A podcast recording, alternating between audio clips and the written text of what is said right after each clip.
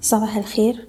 الرؤية الفنية لشركة الأهلي فاروس لتداول الأوراق المالية 15 مايو 2022 على مدار تعاملات الأسبوع اللي فات المؤشر شهد تراجع بعد ما وصلنا لمستوى المقاومة 11180 وقفلنا عند أقل مستويات الأسبوع عند 10678 إحنا قافلين برينج بسيط تحت مستوى الدعم ال 10700 يعني ما تأكدش الكسر حتى الآن. لو اتأكد الكسر هيبقى عندنا دعوم عند ال 10600 وأقصى تراجع عند ال 10400 من الناحية التانية الارتداد من المستويات الحالية هيودينا عند مستوى المقاومة الأول عند العشرة آلاف تسعمية وخمسين.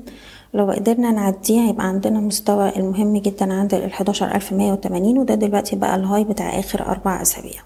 هنفضل متحفظين طول ما إحنا تحت المستوى ده وهنستغل الارتدادات لتخفيض المراكز بالنسبة للأسهم نبدأ بأبو قير. السهم طبعا من أفضل الأسهم أداء بالمقارنة ب EGX 30 نقدر نجني أرباح حوالين المنطقة ما بين تمانية وعشرين ونص تسعة وعشرين جنيه ونبتدي نبص على مستويات الدعم حوالين ستة وعشرين ستين.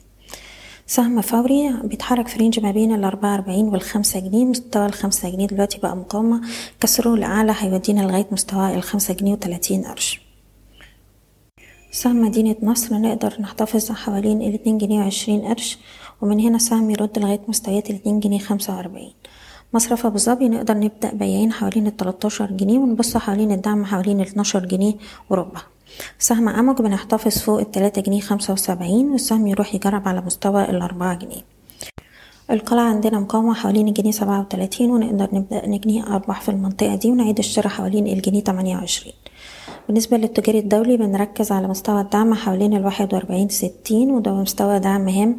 محتاجين نشوف تماسك محاولات ارتداد من هنا ب volumeات عالية مرة تانية عشان نقدر نرد ويبقى عندنا مقاومة عند التلاتة وأربعين ستين. لأن طبعا كسر الواحد وأربعين ستين بالنسبة للتجاري الدولي هيبقى سلبي على السهم وطبعا هيأثر على ال index وهيأكد كسر مستوى العشرة سبعمية الأسفل المجموعة المالية هرمس عندنا منطقة دعم ما بين خمستاشر جنيه أربعتاشر ونص دي منطقة دعم هامة.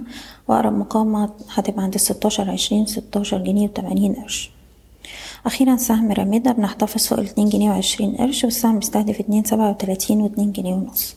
بشكركم بتمنى لكم التوفيق.